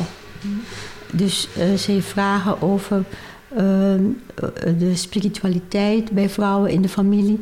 En het interessante is, waarom ik het tegen jou wil zeggen, is... dus je hoeft niet meteen in gesprek met oma... want mijn, haar oma is er niet meer, mijn moeder is er niet meer... maar ze komt bij mij. Eh, er is van de zes dochters ben ik degene die eh, alle nichten eh, die een vraag hebben over spiritualiteit, geesten, weet ik wat, die weten eh, bij Tante Kit zijn. En ik vind het hartstikke leuk. Dus is er niet iemand in je familie waar je eh, terecht kan met vragen die niet rechtstreeks naar je eh, o- grootmoeder gesteld kunnen worden, maar iemand anders het antwoord kan geven? Eh, ja, er, zijn, er schieten me wel een paar mensen Oh, eh, binnen. Ja, ja. Sowieso mijn, eh, mijn tante, dus de, de vrouw van de, de broer van mijn moeder. Ja. Eh, Mooi. en mijn De- vader de- kan ik ook bij terecht hoor, met vragen die, Ja? die ik niet heb gesteld, denk ik. Hmm. Maar ja, nou, ik- ja, ik denk bij mijn tante, misschien nog wel bij mijn bij de Want de tante is dus een schoonzus. Ja, ja, ja, ja. Ja. een schoondochter van mijn oma. Ja. ja. ja. Mooi. Ja. Ja, zo zijn er natuurlijk meer eh, mensen waar je bij terecht kunt om eh, die mm, dingen weten. Ja, Ja. ja. precies. In het, in het bredere Ja. systeem. ja, Ja. Mooi. ja. Heb jij een volgend draadje? Ik heb er Nou, één hoor. ik, maar eh, ja, eh, want het ligt er een beetje aan hoe, eh, hoe we met onze tijd zitten en zo. ja, ik, Het valt allemaal wel mee, toch, geloof ik? 63 minuten. Kijk, nou, Als jullie het ondertussen zat zijn, dan kan je gewoon op stop drukken. Maar voor mij is het nog interessant genoeg. Ja, Ik heb nog wel wat interessante vragen in ieder geval. Waar, ik- waar ik met ja naar ben. nou, zullen we even gewoon een vragenronde doen? Dat we even dat... Gewoon even op Gewoon even wat... Ja. Ehm, ja, je begon sowieso het gesprek met... Je had drie vrouwen in, eh, in je familie die Ja. hun ziel volgden. ja. Eh, voor mij heb je er één genoemd. Wie Ja. waren de andere twee? Ja. Ehm, eh, ehm, nou, toen ik, ik denk in 1995 of zo, in begin jaren 90, toen zat ik op een opleiding en van eh Else Marie van de Erebeemt, Notch, die eh, ehm, gaf de opdrachten om je familie te bevragen. Dus ik ging steeds naar mijn moeder als ze in Nederland was. Want mijn moeder die was alleen maar op feestjes in landen. Dus met carnaval in Aruba, met kerstmis in Suriname, met Thanksgiving in de Verenigde Staten. en in de zomer in Nederland. Want dan was het warm. Hield niet van de kou. Als het een beetje uithouden. Ja, ja, ja. Ja, dus eh, als ze er was in de zomer, dan eh, verleidde ik haar met taartjes eh, naar de beste bakker in Amsterdam. En dan gingen wij zitten interviewen, Ja. familie-interview. En ehm, zij vond het hele moeilijke vragen, want ik stelde de vragen bijvoorbeeld eh, van... ehm, hoe komt het nou dat jij ons zulke rare... Ja, mijn moeder heeft ons enorm belast met rare opmerkingen van... die Creolen, die moeten niet zo eh, nederig doen... en die Hollanders hier moeten ook niet denken dat ze de baas zijn. Dus allerlei van dit soort eh, uitspraken... waar je als kind helemaal van in de war raakte... van wat moeten we nou doen... Ehm, en toen eh, kwam het verhaal van haar eh, eh, familie, van haar ouders, waarin het verhaal kwam dat mijn, haar vader was een Duits-Portugese man een, en haar grootvader was een Duitser. Die, en ehm, mijn oma was donker. Dat die familie van haar vader daar eh, enorm discriminerend over uitsprak. Ah. Echt heel racistisch. Ja. Ja. Dus mijn oma mocht niet komen in die familie. Mijn moeder die, eh, ging alleen met haar vader op bezoek bij haar eh, witte familie van vaderskant. En mijn moeder en haar zusje bleven thuis. Nou, dit verhaal heeft haar enorm eh, overstuur gemaakt. Dat, dat he- moet te herinneren. En ik zat erover door te vragen van waarom was dat en wat deed je en eh, hoe. En dus is, ik denk wel drie dagen ziek geweest. Echt eh, door te herinneren al deze verdrietige verhalen. En toen zei ze, eigenlijk weet ik er niet zoveel van, want toen mijn vader doodging, toen was ze 16. En ehm, toen heeft mijn oma de banden doorgeknipt. Zo van, weg met die hele familie, ze moeten me toch niet, dus weg. Oh. En Ja. ehm, toen zei ze, je hebt een tante Hedwig. Eh, dus haar eh, vader eh, had drie, nog een broer en twee zussen. En een van die zussen heeft vier kinderen. En een van die kinderen is tante Hedwig. En die zat in de generatie van mijn moeder. Dus die was ook, eh, toen ik haar ontmoette, 85 zal ik maar zeggen. En op Aruba had ze twee apotheken. En tante Hedwig, die eh, vroeg ik om mij het verhaal te vertellen van Zwart-Wit. En toen zei ze, ehm, ik zal je even voorstellen aan mijn man. En toen riep ze, Mr. Hickinson. En toen kwam er een pikzwarte man tevoorschijn. en toen zei ze, ik heb deze man getrouwd omdat mijn moeder een bloedhekel had aan zwarte mensen. en mijn oma ook. dus het verhaal kwam meteen op tafel van... eh, nou, ik heb uren met deze tante Hedwig eh, aan tafel gezeten. En ze vertelde haar verhaal. ehm, en ze zei, ik was in eerste instantie met een Hindoestaanse man... die een apotheek had in Suriname getrouwd. Ze heeft haar studie in de Tweede Wereldoorlog nog net toen de universiteiten sloten in Leiden afgerond. En is toen naar uh, Aruba, naar Suriname vertrokken. En leidde de apotheek van haar man, de oudste zoon van een Hindoestaanse familie. En toen ze trouwden, werd hij enorm mishandelend.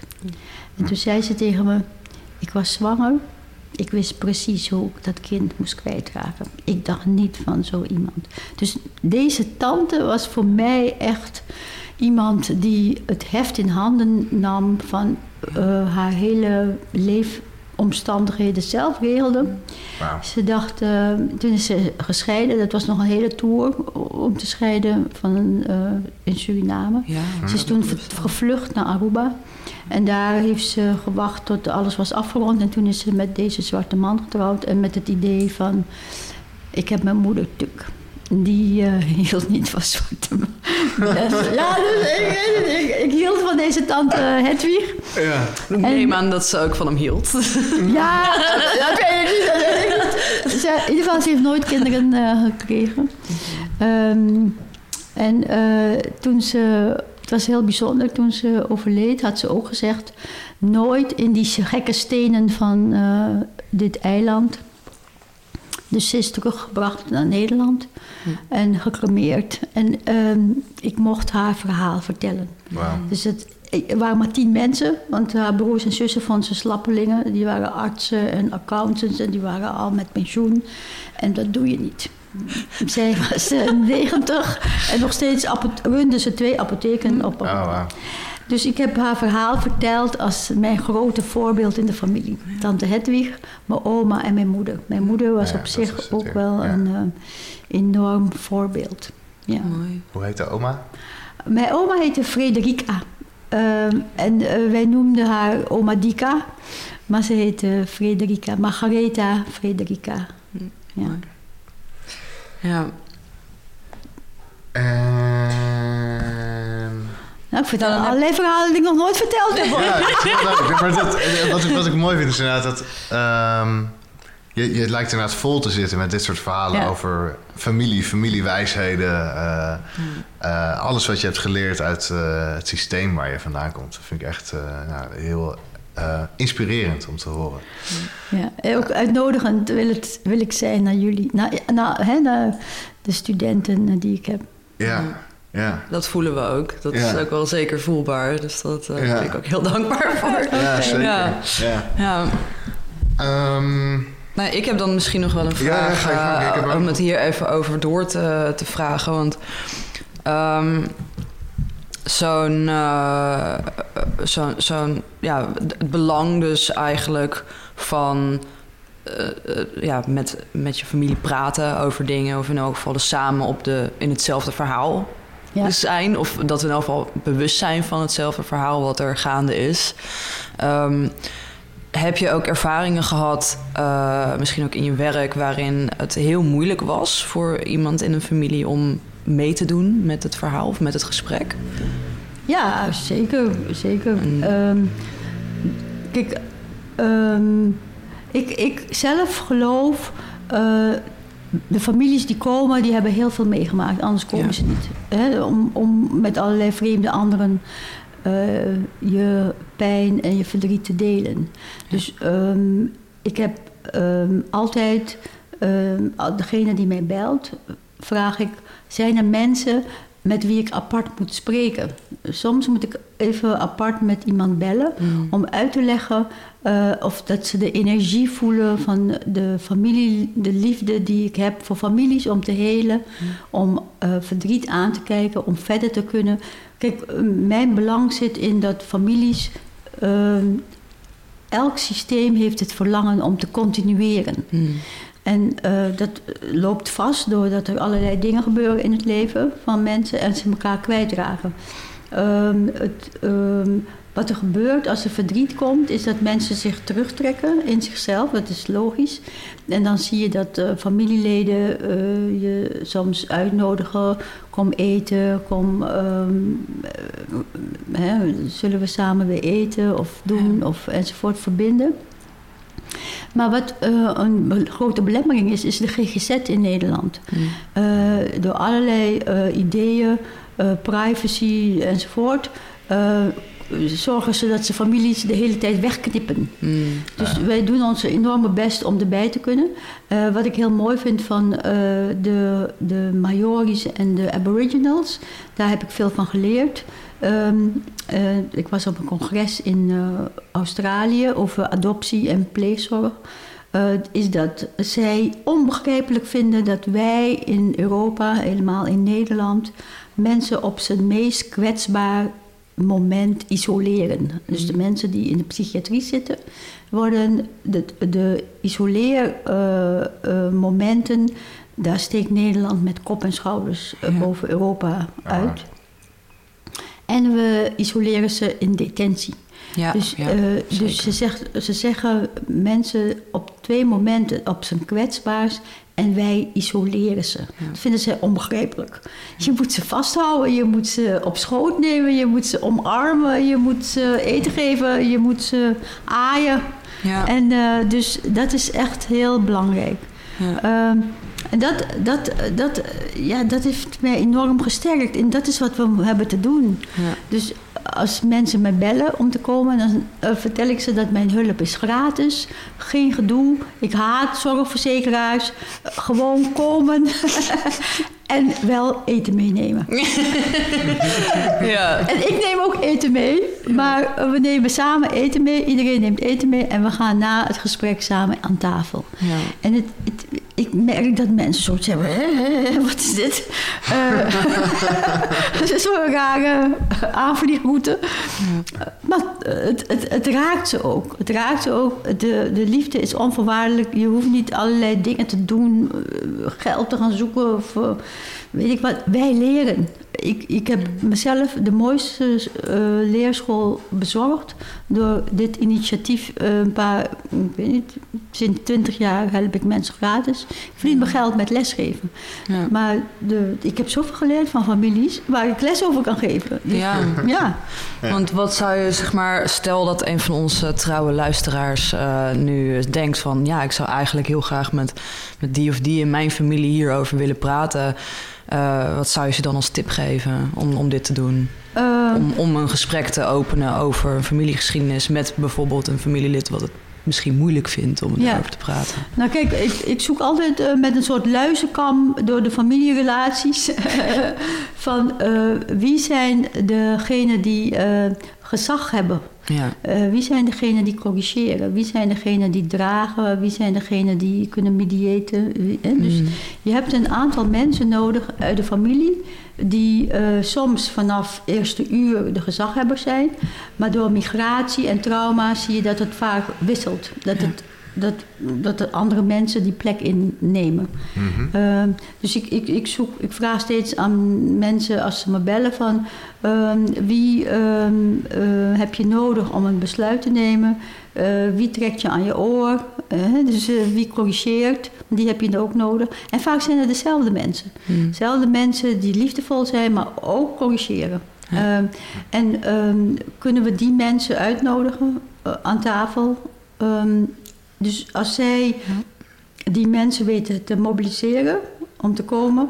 Als het gaat over continuïteit, over heling, over reiniging. Want eh, in heel veel families is er iets fout gegaan. En dat is eh, oké, want eh, het gaat altijd wel iets fout. Ja. Ja. Maar in elk systeem zit ook een reinigend vermogen. Mhm. En dat reinigend vermogen moet aangesproken worden, aangevuurd worden. Wat moet, wie moet excuses aanbieden? Wie moet ehm, eh, iets goed maken? Wie moet eh, buigen? Wie moet Iets uitspreken. ja, uitspreken? Ja. Mm. Dus dat is wat ik zou aanraden. Maak, eh, ga even langs in de familie wie er nodig is om bij de bijeenkomst. Ja. Om te zorgen dat er eh, durf, moed is om aan te kijken. Iemand die misschien de rituelen kent om te helpen die rituelen in te zetten. Mm. Ehm, en eh, soms is het nodig dat er een buitenstaander is die iedereen vertrouwt. Ja. Ja. Wa- Want het verbaast me niet dat het jouw schoonfamilie familie is. eh, waar je bij te raden zou kunnen gaan. De schoonfamilie weet heel veel. Mhm. Ja. Ja. Ja. Dus, Die, en die zijn, een beetje staan Ja, toekijken. Zeg ja, maar. precies. Ja, ja. En die zijn vaak ook vertrouweling geweest. Ja. weet je, eh, Ze staan wat verder weg. Ja.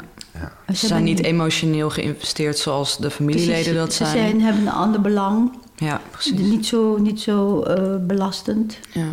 Dus eh, vaak Ja. is het zo dat eh, eh, als ik mensen uitnodig om familieleden eh, uit te nodigen, eh, om te gaan zitten naast je, om mee te denken over een situatie, zit vaak er een schoonfamilie bij. Ja. Omdat die ook ontregelend, een ontregelende stem is. Ja.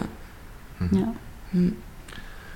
Dit soort gesprekken in gezinnen, of la- laat staan families, zijn in Nederland eh, heel ongebruikelijk. Ja. We komen een keer bij elkaar als het kerst is of als er iemand eh, is overleden. Ja. Eh, dan hebben we ook niet echt rituelen waarvan je kan zeggen, dan komen we heel dicht bij elkaar. Of eh, dan delen we ons verdriet heel uitbundig. Ehm, ik heb nog niet een vraag daarover, maar ik wil het in ieder geval even aanstippen. En ik ben benieuwd hoe jij dat ziet en, en ehm, wat jij misschien ook in je werk meeneemt uit andere culturen en uit alle reizen die je hebt gemaakt, die je hebt genoemd, alle rituelen die je hebt geproefd en gezien, waarvan je, waarin jij verrijking ziet ten opzichte van onze individualistische westerse maatschappij. Nou, allereerst eh, denk ik dat we een vertekend beeld hebben in Nederland. Omdat we in grote steden wonen, of in ieder geval ik, in Rotterdam. En, eh, want op het platteland van Nederland eh, is er heel veel hetzelfde wat ik in Suriname tegenkom. Ah ja. Ja, er zit heel veel collectiviteit. En in Drenthe, in Groningen, in Friesland. Daar zit naberschap. eh, mensen geven om elkaar. Eh, dus het hele individualisme is echt van de grote stad. Eh, En wij denken dat heel Nederland zo is, maar dat is niet zo. dus dat wil ik eerst gezegd hebben. Ja, ja, mooi hè? Ja, ja, ja. Ehm, en eh, ik, ik, dus dus het, het is dichterbij dan je denkt. En ehm, waarom veel migranten en vluchtelingen zich senang voelen in eh, ik noem maar het achterland van Nederland, is omdat daar veel meer het, het, het collectivisme, het eh, samen doen, het om elkaar geven, eh, veel meer aanwezig is. En ook dat migranten zich niet geaccepteerd voelen in de grote stad. In, Amsterdam, de, de, de politie, de, de, de rechterlijke macht, de, de, de, ja, de burgemeester en eh, de wethouders in Amsterdam, het is allemaal wit. Eh, terwijl 180 nationaliteiten wonen in Amsterdam. Ja. Ja. Dus, dus het, het is echt eh, een. een nou ja, het, nu spe- speelt het enorm. Dat hoe ehm, pandjesbazen als de prins, weet ik veel hoe die heet. Alle huizen opkoopt. Om, weet je, ja, er is gewoon weinig plek voor eh, Amsterdammers. Ehm, dus ehm, dat individualisme, het, het ongelijke, het, eh, de kloof, eh, dat speelt in de grote steden. Ja. Dat. Ehm, maar toch zie ik een verlangen als ik, als ik een college geef, mensen kan ik het gevoel geven van familiewaarden, familiecontinuïteit. dat, dat spreekt mensen aan. Want beschermjassen, gek genoeg, dat is niet een model of het is, ja, het is niet een, een, een, een methode. Het is een, een collega zei, het is een beweging. het, spreekt mensen aan van een verlangen om samen aan tafel te gaan, om te hebben over ingewikkeldheden, om eh, weer te helen, om een volgende generatie eh, kans te geven om goed geïdentificeerd in het leven te staan. Dat wil elk systeem. Dus ehm, eh, ehm, ik zeg ook altijd eh, tegen. En dat kan ik pas zeggen nu ik eh, oma ben, dat ik dat kan zien. Ik heb heel veel collega's die, hebben geen, die zijn nog geen oma. Dus die hebben zoiets van, "Huh, wat zeg je nou? Maar grootouders hebben de taak om al die eh, kistjes die ze verborgen hebben, omdat het te pijnlijk is, ze moeten die openen voor die kleinkinderen. Die kleinkinderen moeten worden toegerust met verhalen. Ja. Eh, dus ik, ik, ik hou nu een soort college tour. Oma, vertel. ja, een soort familiecollege. Grootouders zijn nu aan zet. Die moeten de, familiecolleges gaan houden. Um, want, ehm, en ik heb pas geleden eentje gehouden. Het was zo ontroerend. Mhm. Mijn kleindochter is 16.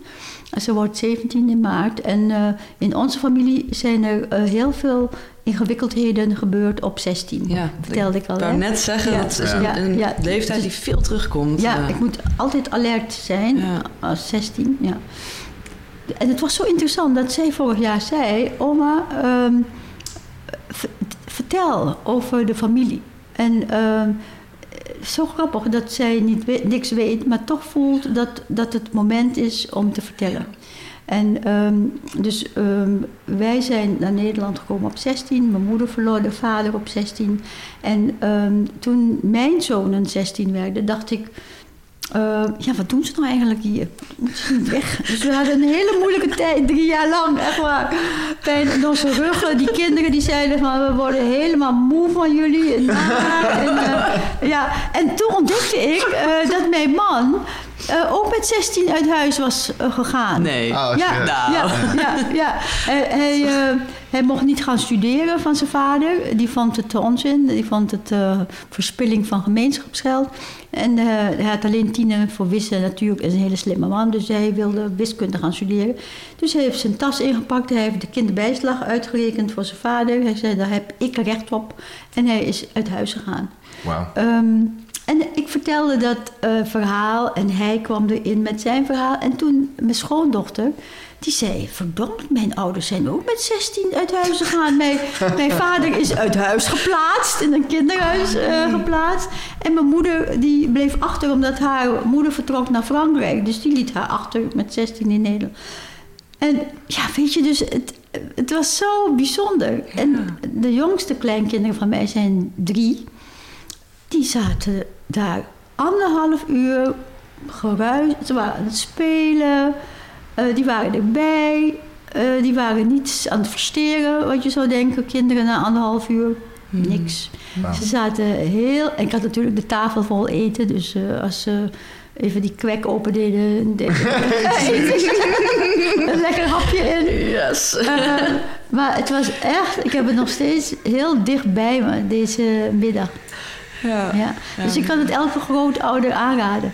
Een ja. familiecollege voor je kleinkinderen. Ja, zeker. Ja. Wat zou je zeggen dat, er, dat een grootouder nodig heeft om dit aan te gaan of om dit aan te durven? Want ik kan me ook voorstellen dat het ook spannend voelt voor veel mensen die ja. minder bedreven zijn, misschien in dit soort verhalen delen of ophalen überhaupt. Uh, nou, ik zou altijd uh, aanraden om uh, met mensen uit te nodigen die liefdevol zijn mm. naar grootouders. Ja. Dus ja. een zus of een, iemand die, die je ondersteunt. Ja. in het vertellen. Ja. En uh, vertel, uh, kijk, een, een, uur is snel vol. Hè? Dus, ja. dus, het gaat over uh, kleine verhaaltjes. Kijk, het verhaal wat ik vertelde, wilde vertellen is... met elf is bij ons een moeilijke leeftijd in de familie... die steeds terugkomt, en 16. Mm. Dus mijn kleindochter is 16... en er is nog een kleindochter die is 8. En um, een ik wilde mijn kleindochter van acht ook vertellen over het verhaal van tante Ange. En uh, dat verhaal zat in de familiesiel. Tante Ange was elf en ik heb haar verhaal nooit gekend totdat mijn moeder doodging. Want mijn moeder was 70 jaar boos op de familie van mijn vader. En ik dacht, uh, ik moet toch gaan uitzoeken hoe dat komt. En voordat ze doodging zei ik wel eens, mam, nou, je bent al 70 jaar boos. Hou toch eens op met boos zijn op die familie van uh, mijn vader. En uh, toen zei ze, ja, uh, moet ik misschien naar een psychiater? Ik zei, nou, misschien wel, ja. Dat duurt al heel lang. uiteindelijk is ze niet naar een psychiater gegaan. Maar ehm, ehm, ik ben toen gaan zoeken naar het verhaal. En toen bleek... Een, dus de foto van de familie van mijn vader, die hing altijd bij ons thuis. Maar daar ontbrak iemand. Ik ontdekte dat er een andere foto was waar tante Ange op stond. En die was 11 in 1926. Die had uh, rachitis, dus uh, een tekort aan de vitamine D, een vergroeiing aan de beentjes. En uh, mijn grootouders die hadden bedacht... Ange die heeft de allerbeste gezondheidszorg nodig. Dat is in Nederland. Dus ze hebben haar met een bevriende arts en een gezelschapsdame op de boot gezet in 1926 in uh, juli. Um, met een uh, hele inventarislijst heb ik gevonden met uh, kanten kleding, knuffeltjes. Een, op haar elfde was? Op haar elfde, ja, ja alleen. Zo, helemaal alleen. ja. En uh, ergens bij Spanje kreeg ze longontsteking, volgens het ene verhaal wat ik vond. En een ander verhaal vertelde dat ze uh, uh, tyfus kreeg. Um, en in drie dagen overleed. Ach, alleen. Zonder familie. En ik denk dat het, dat het iets was wat besmettelijk was, want ze werd geïsoleerd. Dus ze is Oh. ook echt in eenzaamheid overleden. Oh jeetje. Ze is begraven in zee, in een zeemansgrafje, in een klein kistje. En uh, ik heb brieven gevonden van mijn, uh, gericht aan mijn grootouders over hoe groot dit verdriet wel niet moet zijn. Um, de mooiste, de jongste van drie dochters, de liefste, verliezen. En alleen um, ja, de laatste dagen van haar dood. En ze had uh, mijn, ook een, een bericht aan deze gezelschapsdame, die schreef aan mijn oma in uw opdracht heb ik haar vlechtjes afgeknipt voordat ze het kistje inging. Want mijn grootmoeder wilde haar vlechtjes terug. Hmm. Die, en die heeft, mijn oma was een hele intelligente vrouw, maar die heeft tot haar dood gewacht. Opdat het kistje weer terug zou aanspoelen aan de kust van Suriname. Ja, dus dit verdriet was zo groot. Ik heb al mijn neven en nichten gebeld. Niemand kende het verdriet van onze grootouders. Ja. Ik heb ze gevraagd, wie kent het verdriet van onze grootouders? Onze ouders hebben het niet verteld, in ieder Ja. geval. Dus wat er gebeurt in een familie, is dat je voelt iets wat niet eh, in orde is, maar je kent het verhaal niet. Ja. Dus ik ben de derde generatie, ik was een hel. Ik voelde de hele tijd iets deugt hier niet, iets klopt hier niet. Dus eh, ik gooide met eten, ik gooide mijn zussen uit het raam. Ik eh, ging met mijn, al mijn kleren in hun bed liggen. Nou ja, mijn zussen die zeggen nog steeds... Kid, het is toch gewoon niet te geloven dat jij een normaal mens bent geworden? ik was echt zo gek als het deur. Ja. Ik, en ik weet het nog precies hoor. Ik weet het nog precies wat ik deed. Ik was de hele tijd strafexpedities aan het verzinnen. Ehm, dus ehm, wat er gebeurde ehm, in dit verhaal is, waar ik mijn moeder mee wil eren, is mijn moeder werd enorm geschoffeerd door de familie van mijn vader. Eh, ze was niet goed genoeg, ze had niet de goede skills, ze kwam uit een eh, familie met minder geld, ze had niet de goede kleren aan, ze had niet de goede opvoeding, gaf ze ons. Ehm, en ehm, dat had mijn vader moeten verbieden. Ah, ja. En dat heeft hij niet gedaan. Hij heeft zijn familie niet op straat gegooid. Van zeg, eh, blijf van mijn vrouw af. En dat had te maken met dit verdriet. Hij was heel loyaal naar zijn familie. Ah, En eh, dus dit is wat ik in veel families terugvind. ja. Is dat... ehm, Er moet ergens voor gezorgd worden wat niet is uitgesproken. Ja. Ja. ja, ja. Dus het is een onbewuste zorg. Ja. Ja. Ja, en ehm, de, de, ja, hij had eh, moeten begrenzen. En, eh, dus ik, wat, ik, wat, ik, wat ik voelde als kind is, die familie kwam binnen. En dan eh, was een soort razende Roland-wolk eh, door het huis. En dan gingen ze weg. En dan eh, had mijn vader ze niet tot de orde geroepen. Hmm. En mijn moeder beschermd. Dus eh, Ja. wat zij deed, is eh, het moment dat ze weggingen, mijn vader bij zijn oor, de slaapkamer in. En ik rende erachteraan om te horen wat ze gingen ze doen. En nou ja, ik hoorde nooit iets. ik zat met mijn oor onder die deur. Ik hoorde het niet. Dus ehm, ik voelde ehm, dat iets werd gezegd en iets anders werd gedaan. Ja. En die incongruentie maakte mij Ja. dus dat zie je in heel veel gezinnen. Dat de derde generatie kreeg klachten. Ja. Ja. Mooi. Eh, nou ja, we, we hebben het nog steeds niet eh, gehad over uit je schulp komen. Of, Nou, ik denk dat er ondertussen wel redelijk Ja? wat schulpmomenten Ja. voorbij zijn gekomen. Nou ja, Maar- ja zeker weten. En eh, we, we, we zaten net tot de bus hier naartoe en eh, te bedenken van... Oh ja, jij hebt het over beschermjassen, wij hebben het over de schulp. Wat is nou het verschil ertussen misschien? Of is het, of is het eigenlijk hetzelfde? En eh, dat, dat bedoel je nu denk ik als je zegt... we hebben nog steeds niet geld over uit je schulp komen. Eh, ik denk dat we het daar eigenlijk de hele tijd over hebben. Ja, Over. Zo En- voelt het tenminste wel. En ik, en ik denk dat dit gesprek ons heel erg helpt om uh, opnieuw te definiëren wat we eigenlijk verstaan onder die schulp. Uh, en hoe beschermjassen daar onderdeel van zijn. Of in hoeverre dat dan hetzelfde is. ik, ik vind het zo'n interessant gesprek dat ik nu eigenlijk al graag zou zeggen Laten we dit uh, over een tijdje nog een keer doen. Zeker, oh, ja. Okay. Want ik heb, nog, ik heb nog een heleboel hele grote vragen. Die, uh, ja. Want we zijn nu anderhalf uur onderweg. En dat ja. is denk ik wel een mooi moment om, om rustig aan te gaan afronden. Maar ik heb nog een, een heleboel grote vragen... Die, die zeker nog leiden tot weer stukken gesprekken van 20 minuten per vraag. Denk ik. Ja, oké. Okay. Uh, dus... Ik hoop uh, dat we nog een keer of mogen opzoeken in Amsterdam. Of, uh, Zeker, ik kom weer naar Amsterdam. Ja? Vandaag uh, hadden we twee, een tweeling die zou alles versteren hier. Dus het is goed dat ik bij jullie ben. En de volgende keer kom je naar Amsterdam. Ja, zeker. En dan nemen we wat te eten mee. Ja, zeker. Ja. Ja. Ja. ik denk dat ik dan misschien even af wil sluiten uh, met in elk geval uh, wat, wat ik voor mijn gevoel hier, hier een beetje uit heb gehaald met betrekking tot het uit je schulp komen. Ja, uh, en dat is ten eerste dus de belang van openheid eigenlijk. En dus het delen van, van verhalen en het delen ook van betekenis. Ja, betekenis um, geven, ja. Ja, het plaatsen, het in de context plaatsen van jezelf binnen in het verhaal van je familie. En ook uh, dat proberen ja, te faciliteren met je familie. Ja. En, uh, ja, en, en uh, ook het, het, het uh, verbinden met jezelf. Ja. Hoe belangrijk dat is voordat je je kan verbinden ja. met, met de ander. Ja. ja, dan kan ik nog even een boek aanraden van mijn collega en vriend. Glenn Helberg Hij heeft in september een boek geschreven... wat uh, nu al in een luisterboek uitkomt. Okay. En het heet Als ik luister. Hmm. Nou, die gaan we. Ja. En ja. uh, hij heeft het voortdurend over dat uh, mensen relationele wezens zijn en eerst het verbinden met zichzelf uh, moeten doen voordat ze met de ander kunnen verbinden. Ja.